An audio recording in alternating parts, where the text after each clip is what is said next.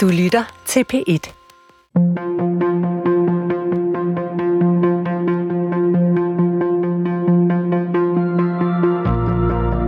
Hvad kan vi bruge en næsten 2.000 år gammel samling tekster til?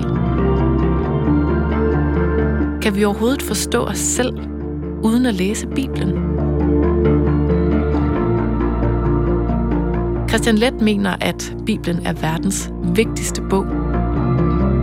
Lauke Hendriksen læser den for første gang.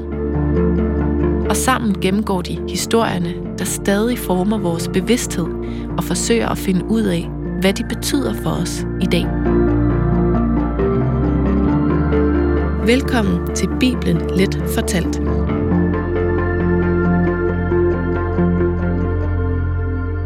Jobs bog. Christian, vi tager os i dag af den ultimative lidelseshistorie.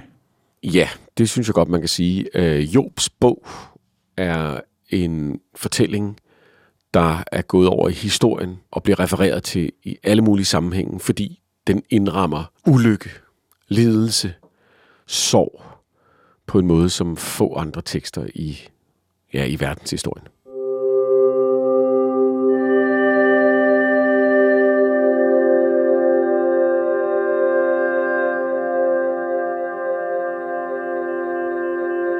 Vi starter jo med, at vi har Jo, som lever det perfekte liv. Han er vanvittig rig, stor familie og gør intet forkert, og så er han totalt trofast over for Gud. Og han er så fantastisk, at Gud fremhæver ham som noget helt særligt. Han er the best of the best. Ja, så, så er det jo, at, at Satan, og det er, det er Satan med et lille s, som man kan sige det sådan. Det er anklageren. Det, det er sådan en, en engel, der har en eller anden form for rolle som anklager. Det er ikke Satan med hornene og det hele, men, men som, som kommer ind øh, i en ret sjov scene, hvor Gud siger, hvor har du været? Og siger han, jeg er gået rundt i hele verden.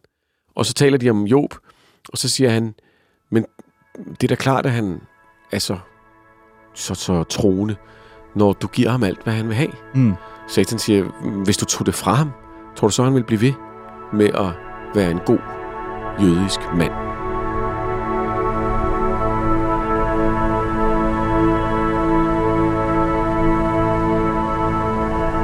Herren spurgte Satan, Hvor kommer du fra?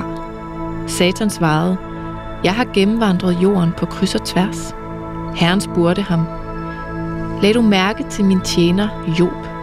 Hans lige findes ikke på hele jorden. Han er en retsindig og retskaffen og gudfrygtig mand, der holder sig fra det, der er ondt. Satan svarede, Det vil ikke uden grund, at Job er gudfrygtig.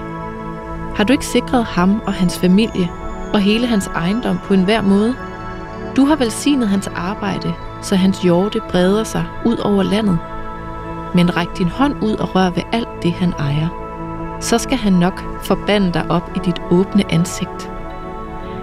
Da sagde Herren til Satan, Nu får du magten over alt det, han ejer, men ham selv må du ikke række hånden ud imod.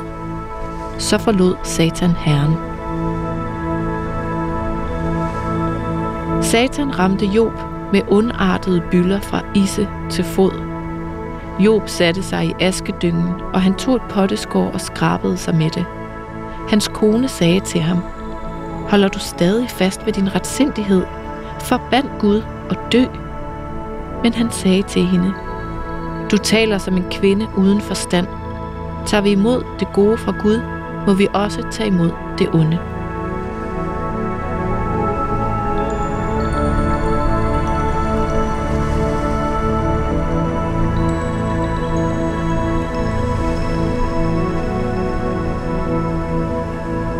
Og så begynder Job at miste alt. Velstand, familie, alt. Mm. Og så starter en ja, nærmest filosofisk samtale mellem Job og hans venner om, hvorfor Job han skal opleve lidelse. Ja, det, det er jo virkelig en filosofisk, som du siger, en filosofisk dialog mellem de her mennesker om, hvad lidelse er, og hvorvidt Job skal affinde sig med det eller ej.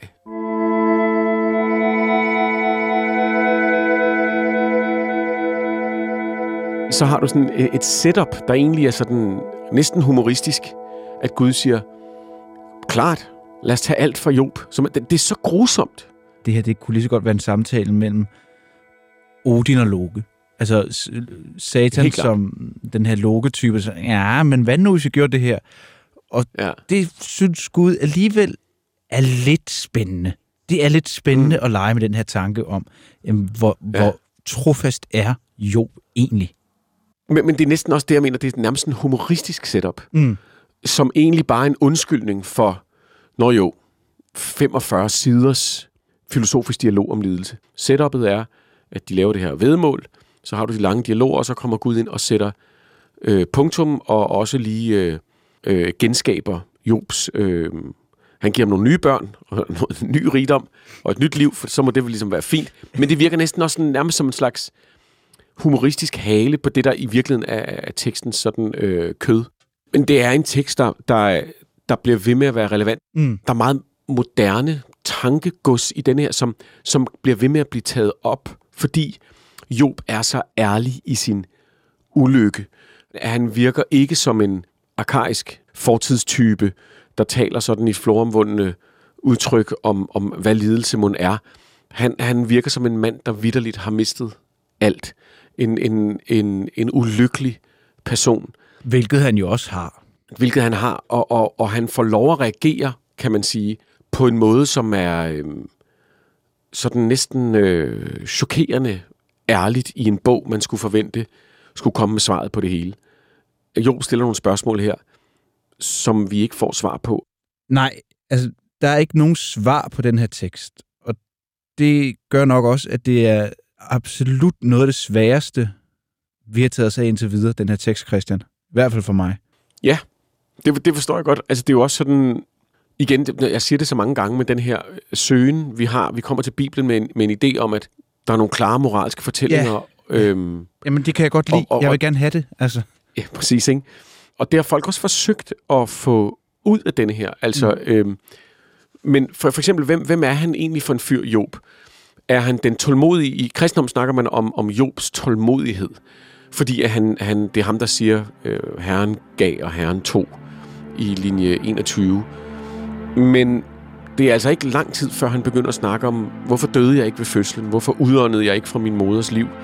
Og så kører det ellers med altså, næsten blasfemisk materiale.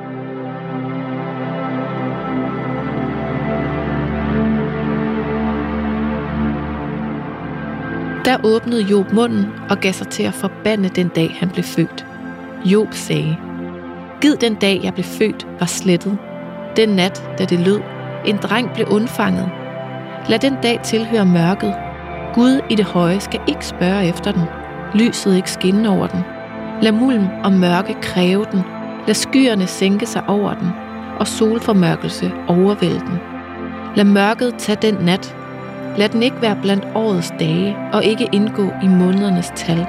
Ja, lad den nat være gold. Hvorfor døde jeg ikke ved fødslen? Hvorfor udåndede jeg ikke fra moders liv? Hvorfor var jeg ikke som et dødfødt barn, der bliver gravet ned? Som børn, der aldrig ser dagens lys?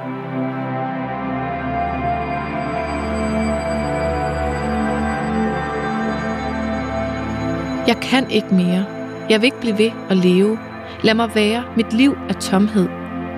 Hvad er et menneske, at du agter ham højt og retter din opmærksomhed mod ham, når du hver morgen straffer ham og hvert øjeblik sender ham prøvelser? Hvornår vender du blikket fra mig og lader mig i fred, så jeg kan synke mit spyt? Hvis jeg har syndet, hvad kan det så gøre dig, du som vogter mennesket? Hvorfor har du gjort mig til skydeskive, så jeg er blevet en byrde for mig selv? Hvorfor tilgiver du ikke mine overtrædelser og fjerner min skyld? Snart ligger jeg under jorden. Leder du efter mig, er jeg her ikke.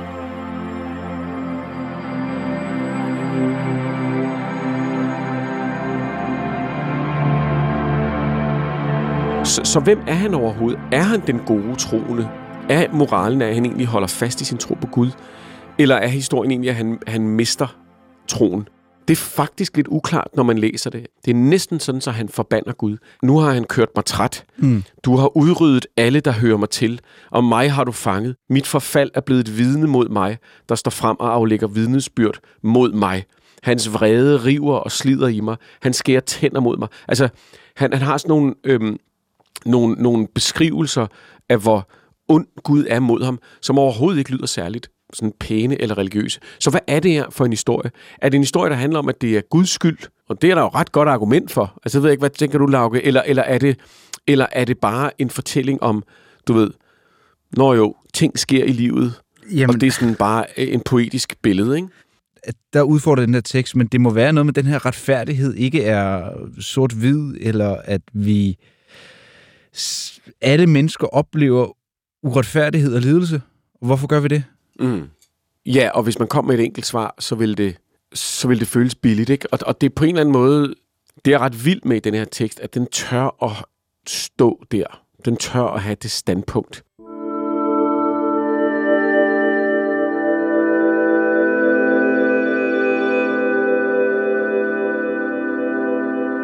Så har vi Jobs venner her, og de kommer med, med, med forskellige sådan savlige grunde til, at Job skal lade være med at, du ved, te sig sådan. Altså det, det, som Job gør, det er jo, at han, han øh, du ved, smører sig ind i aske og river sit tøj i stykker. Det er ikke bare noget, han gør, fordi mm. han føler det. Det er også en måde at vise sin sorg på. Og, og, og en tradition i jødisk kultur på det tidspunkt er, at når man mister nogen i sit liv, så kommer folk og prøver at sige, at det går nok, og så skal man nægte at blive mundret op. Det er ligesom en måde at give sorgen plads på. Så der ligger også en rituel ting i det. Men de kommer så med alle de her argumenter. Og det er jo sådan noget med, jamen Gud er jo i virkeligheden retfærdig, så hvis det her er sket, så må der være en grund til det. Og så er der en anden, der siger, jamen, du, du skal nok klare dig stol på Gud. Du, øh, du ved, så, så skal, du, skal du nok komme ud på den anden side. Du kommer til, det kommer til at blive så fedt. Og så er der en, du ved, en tredje, der siger, jamen, måske har du opført dig dårligt. Måske, måske har du fortjent det her. Altså, der er, sådan, det er en masse forskellige måder at forsøge at indramme skæbens øh, uretfærdighed. Jo, men i en bibels kontekst, synes jeg jo sådan set, altså, der rammer de det sådan set ok. Ja, det, det gør de, men, men du ved, så svarer Job sådan noget som, I er i sandhed de rette folk. Med jer uddør visdommen. Men min forstand er lige så god som jeres. Jeg står ikke tilbage for jer. Som en, der råber til Gud og forventer svar, er jeg til latter for mine venner. Den retfærdige og sindige er til latter. Han pisser på deres, du ved, religiøse logik, mm. øh, og han, han nægter at godtage alle de her argumenter. Til gengæld så svarer han med nogle voldsomme anklager mod Gud, som om Gud er ude efter ham. Mm. Samtidig med, at han beskriver sin egen sorg som så forfærdelig og så voldsom, at den simpelthen ikke kan besvares af de her øh, fine, logiske øh, rammer. Så, så man kan sige, er det i virkeligheden vennerne, der har ret? Er det, er det Job, der tager fejl? Er det en historie om, at Job han mister, altså han taber sutten? Og, og det, det vil jeg jo ikke sige umiddelbart, at det indtryk, man får. Men på det tidspunkt, hvor vi er i teksten, og hvis man skal tage øh, de, de troendes briller på, så, så synes jeg jo sådan set, vennerne gør det, de skal. Altså på den måde, at de prøver at give ham en, en kontekst, kan man sige. Ja, de prøver at give en forklaring på det. Mm. Og det jo viser så, så senere hen. Pointen er måske, at der ikke er en forklaring, men jeg vil nok gøre det samme. Ja, det, det, det, det synes jeg faktisk er en, er en ret god pointe. Fordi i den klassiske sådan filosofiske dialogstruktur, så får vi nemlig ikke en, der har et svar. Vi får nogle forskellige måder at gribe det an på, kan man sige. Igen et, et eksempel på, hvorfor, hvorfor den er så, tror jeg, potent i dag, den her tekst. Fordi den ikke behandler noget så forfærdeligt som øh, Jobs ulykke, som, som noget, man, man lige kan bortforklare. Og de, deres argumenter får lov at stå, kan man sige. Det er jo ikke, fordi de er dumme i det, de siger. De siger nemlig de rigtige ting. Mm. Men, men du ved, så svarer Job med sådan noget som... Men dør en mand, er det forbi med ham. Udånder et menneske, hvor er det så? Vandet kan svinde i søen, floden kan blive tør og vandløs, men har mennesker lagt sig til hvile, rejser de sig ikke. De vågner ikke, før himlen forgår. De vækkes ikke af søvnen. Gid du vil gemme mig i dødsriget. Skjule mig, til din vrede har lagt sig. Sæt en frist, og så husk mig igen. Kan en, der er død, få liv? Da vil jeg holde ud alle mine trængselsdage, til afløsningen kom. Altså på nogle steder, så lyder han nærmest som en teenager mm. på selvmordets rand, ikke? Altså, Jo, du jo. det er virkelig... Øh, men her har han bare ret god grund til det. Altså kan man sige, han har mistet det hele, ikke? Helt klart. Hvor skulle der være håb for mig? Hvem kan skimte håb for mig? Følger det med mig ned i dødsriget? Skal vi sammen synke i støvet? Det er jo nærmest heavy metal øh, tekster. Det er meget, meget, meget tungt, og ikke særlig behageligt, øh, og meget sådan virkelig eksistentialistiske overvejelser om alt på én gang. Der er som sagt ikke nogen, nogen himmel her. Der er ikke noget efterliv. Som vi hører, øh, Job han siger, jamen hvis bare der var det, Mm. så kunne jeg, øh, du ved, klare masser af lidelse.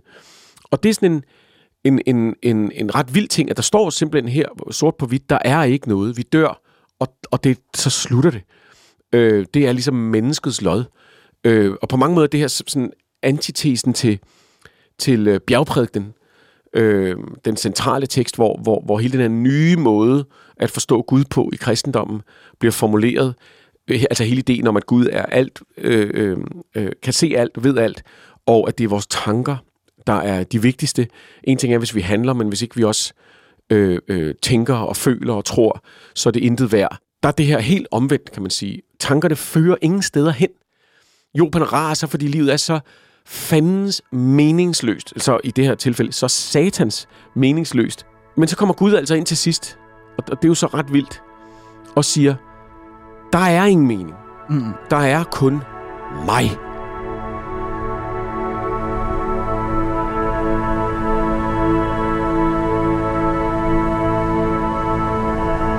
Der talte Herren til Job inde fra stormen. Hvem er det, der med uforstandige ord formørker det, jeg har bestemt? Spænd bæltet om lænden som en mand, og giv mig svar, når jeg spørger dig. Hvor var du, da jeg grundlagde jorden? Fortæl det, hvis du har forstand til det. Hvem bestemte dens mål? Det ved du vel. Hvem spændte målesnoren ud over den? Hvor blev dens fodstykker sat ned, og hvem lagde dens hjørnesten, mens alle morgenstjerner jublede, og alle Guds sønner råbte af fryd? Hvem spærrede havet inde bag porte, da det brød ud af moderlivet, dengang jeg gav det skylaget til klædning, og de mørke skyer til svøb?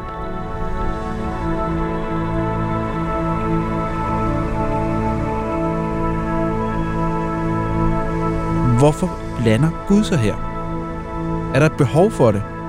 jeg, jeg tror, det er afgørende, at denne her visdomstekst, hvor mennesker prøver at forstå, at den bliver punkteret af Gud, der kommer ind og siger, hvem er I, at I tror, I overhovedet kan begynde at forstå det her? Fordi hvis der er en pointe, så må det være det der med, at af alle de forklaringer, vi får i løbet af denne her tekst, så er der ingen af dem, der dur. Gud starter endda med at sige, de der venner, du har, der har prøvet at fortælle, hvordan jeg i virkeligheden er retfærdig, og hvordan jeg i virkeligheden har en pointe med det hele, og hvordan jeg i virkeligheden har en mening, de tager totalt fejl.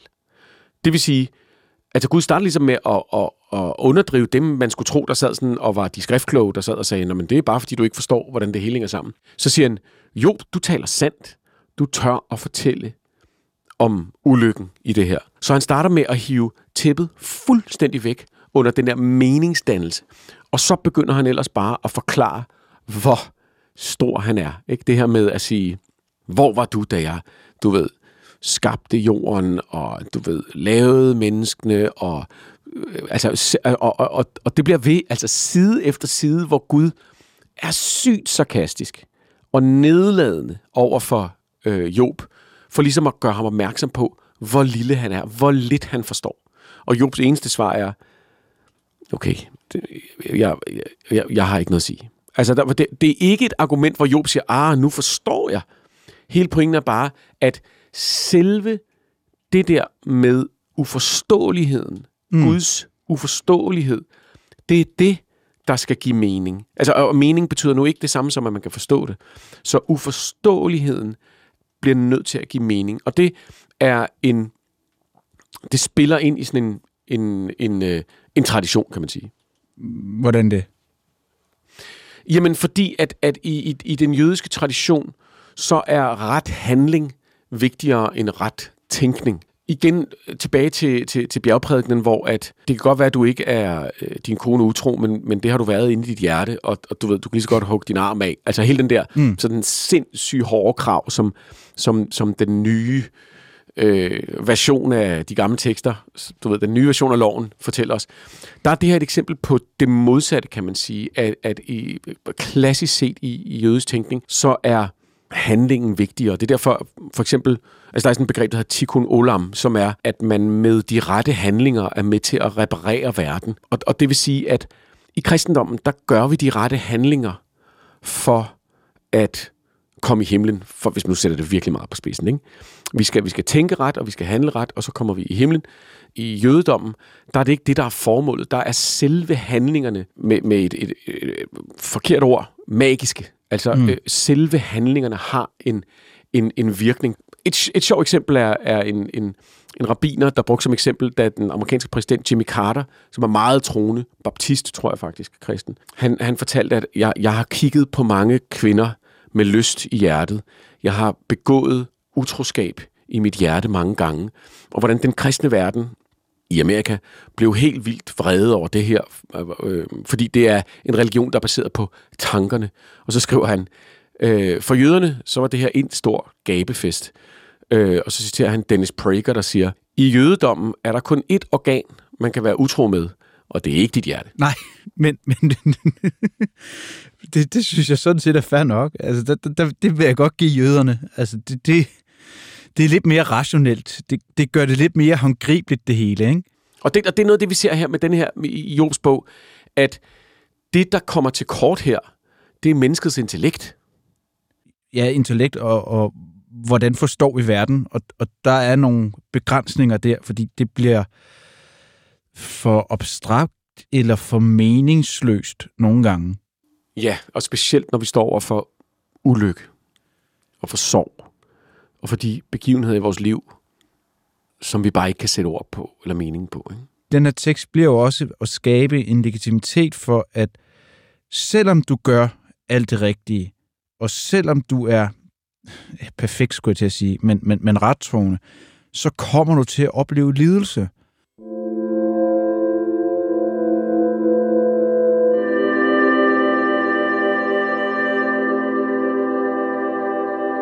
Øh, jeg, jeg mistede en barndomsven for nogle år siden, som øh, tog sit eget liv, og det var forfærdeligt på alle måder.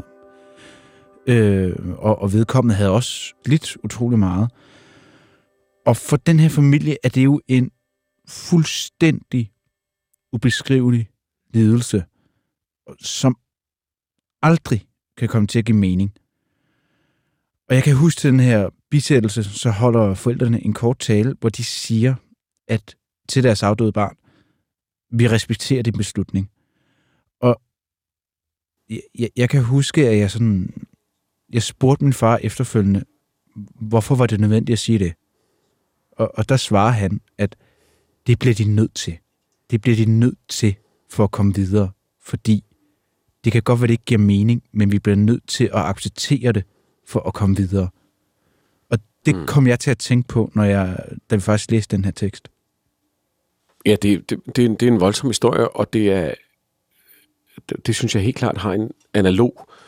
Altså på mange måder kan du sige, at vennernes, Jobs venners forklaringer om, at der var en mening med det, at det var, det var retfærdigt eller mm. logisk, er, er, er jo altså forfærdelige mm.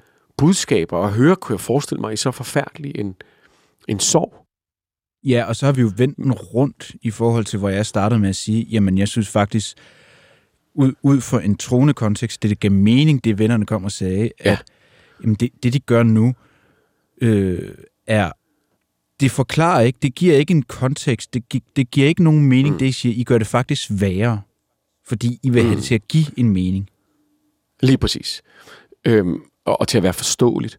Og der siger Jobs bog, at man skal glemme sin idé om at forsøge. Hvordan skal han nogensinde kunne forstå Guds mægtighed. Mm. Og det er en anden måde at sige, hvordan skal jeg nogensinde forstå tilværelsens altså komplekse, umulige sammenhæng?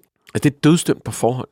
I stedet for må han prøve at koncentrere sig om at acceptere, at han ikke forstår det.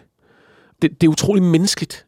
Mm. Altså, det, det, det, det er simpelthen en tekst i Bibelen, hvor selv viljen til, at troen skal give det mening, faktisk kommer til kort. Og troen viser sig at være en tro på, at livet er. Men det giver også mening i, i en erkendelse af, at, at livet ikke altid giver mening. Det, der sker, ikke mm. altid giver mening. Det, det er fuldstændig rigtigt. Og, og det, øhm, det, det, det minder mig også om øh, det, der hedder kognitiv terapi, som er sådan en, en eller, eller øh, behavioral øh, therapy, mm. altså, som, som, som er sådan en, en, en gren, der virkelig vundet indpas inden for psykoterapi de sidste ja, 10-20 år specielt, hvor tilgangen, i stedet for klassisk psykoterapi, hvor man siger, du har oplevet det her, det her traume, det skal du forsøge at forlige dig med, så siger man, okay, du har oplevet det der, det ligger der. Hvornår kommer det op i dit liv? Hvad er det for nogle ting, du gør, der kommer til at minde dig om det? Lad os prøve at ændre de mønstre. Og der er et eller andet i min sådan øh, sandfærdighed og min etik, der synes, det virker sådan lidt nemt. Du ved, så skal vi bare koncentrere os om noget andet. Men på en eller anden måde er det lidt det, vi ser et eksempel på her. Gud siger på en eller anden måde, slip det. Mm. Altså, du ved, øh, øh, og, og det er endda ham, der har gjort det, der siger, slip det. Det, det er så grusomt. Ja. Så grusomt er det simpelthen. Men det er øh, hele tingen er ikke, at du kan prøve at forstå det hele og få det hele til at give plads. Du bliver nødt til at acceptere det her mysterium, og så som Gud er, og som tilværelsen er, og som sorgen er, og som ulykken er, og så fortsætte dit liv. Og det, det, det, det slog mig bare, da jeg sad og læste den her tekst igen. Ja. Vi, vi har en tendens til i vores kultur at ville forstå. Du ved, det er ligesom, at der er en, en, en, en logik bag det hele, en, en, en mening bag det hele. Og, og det, der er meget klart fra Jobs bog, det er, at jamen, hvad når den ikke er der? Altså, det er, der, der, så, så er der noget andet at gøre. Og det, der jo sker med Job til sidst i den her historie, igen i den her nærmest, altså, den er jo nærmest sådan absurd, den her slutning, for så pludselig så får han det hele igen. Efter vi har været så menneskeligt og virkeligt og sådan frodende, reelt stykke, så pludselig så er det sådan. Men han får det jo ikke bare igen. Altså, han får det jo dobbelt op. Og, og, og det er jo der, hvor nærmest Gud han modsiger sig selv, fordi det skal ikke mm. give mening. Men nu belønner ja. jeg dig faktisk alligevel for at, ja. at, at blive troende mod mig. Så øh, nu får du det dobbelt så godt. Godt være, at du har mistet dine børn, men, men så får du nogle nye. Og, og hvordan man så lige øh, omformulerer det til, det, det, det, her giver matematik ikke mening. Her logos ikke, at øh, 1 minus 1 plus 1 øh, er godt nok. Nej, og det, jeg vil sige, der, der, der er nogen, der har tolket den sidste del af teksten, som om det nærmest er sarkastisk. Altså, okay, okay, så fikser jeg det hele igen. Øh, og det, det kan vi jo ikke rigtig vide i dag. Men, men det virker som sådan en absurditet, ikke? Altså, det virker som sådan en, øh, okay, tak, nu var du lige øh, med i det her forsøg. Øh, her er din pension, du ved. Og jeg tænker, det, er, det jeg tænker på som far, ja. det er, så får han alle de her andre børn, men hvad med sorgen over dem, han har mistet? Mm. Altså, du ved, det er jo ikke de samme børn, han får igen. Der, det er sådan en... Og måske er det, måske, måske det er en dybere logik i det. Jeg, jeg, jeg er ikke helt sikker. Men, men det er helt klart, at når den her tekst slutter, så er man ikke sådan, så man tænker, aha. Det er mere sådan, så man tænker, okay. Øh, den, den der eksistentialistiske søgen efter mening, som man første gang bliver ramt af, når man er, du ved, 13-14 år, den har de altså haft i nogle år. Fordi den står simpelthen beskrevet vanvittigt poetisk og utrolig præcist her i det gamle testamente. Ikke? Fuldstændig, og, og der vil jeg så godt medgive, at her, der giver det mening, at man må acceptere, at det ikke er alt i verden, der giver mening. Ja, det synes jeg er fuldstændig rigtigt.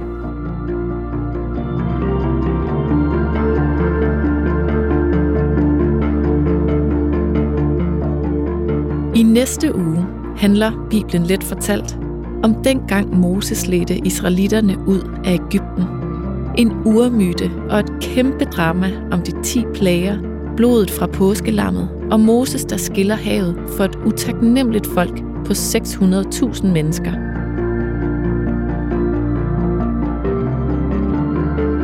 Du kan finde de andre afsnit af Bibelen Let Fortalt på dr.dk eller i DR Lyd.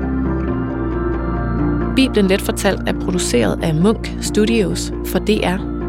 Det er tilrettelagt og klippet af Christian Let og Lauke Hendriksen. Redaktør er Hanne Butz Jørgensen, og mit navn er Karen Strohrup.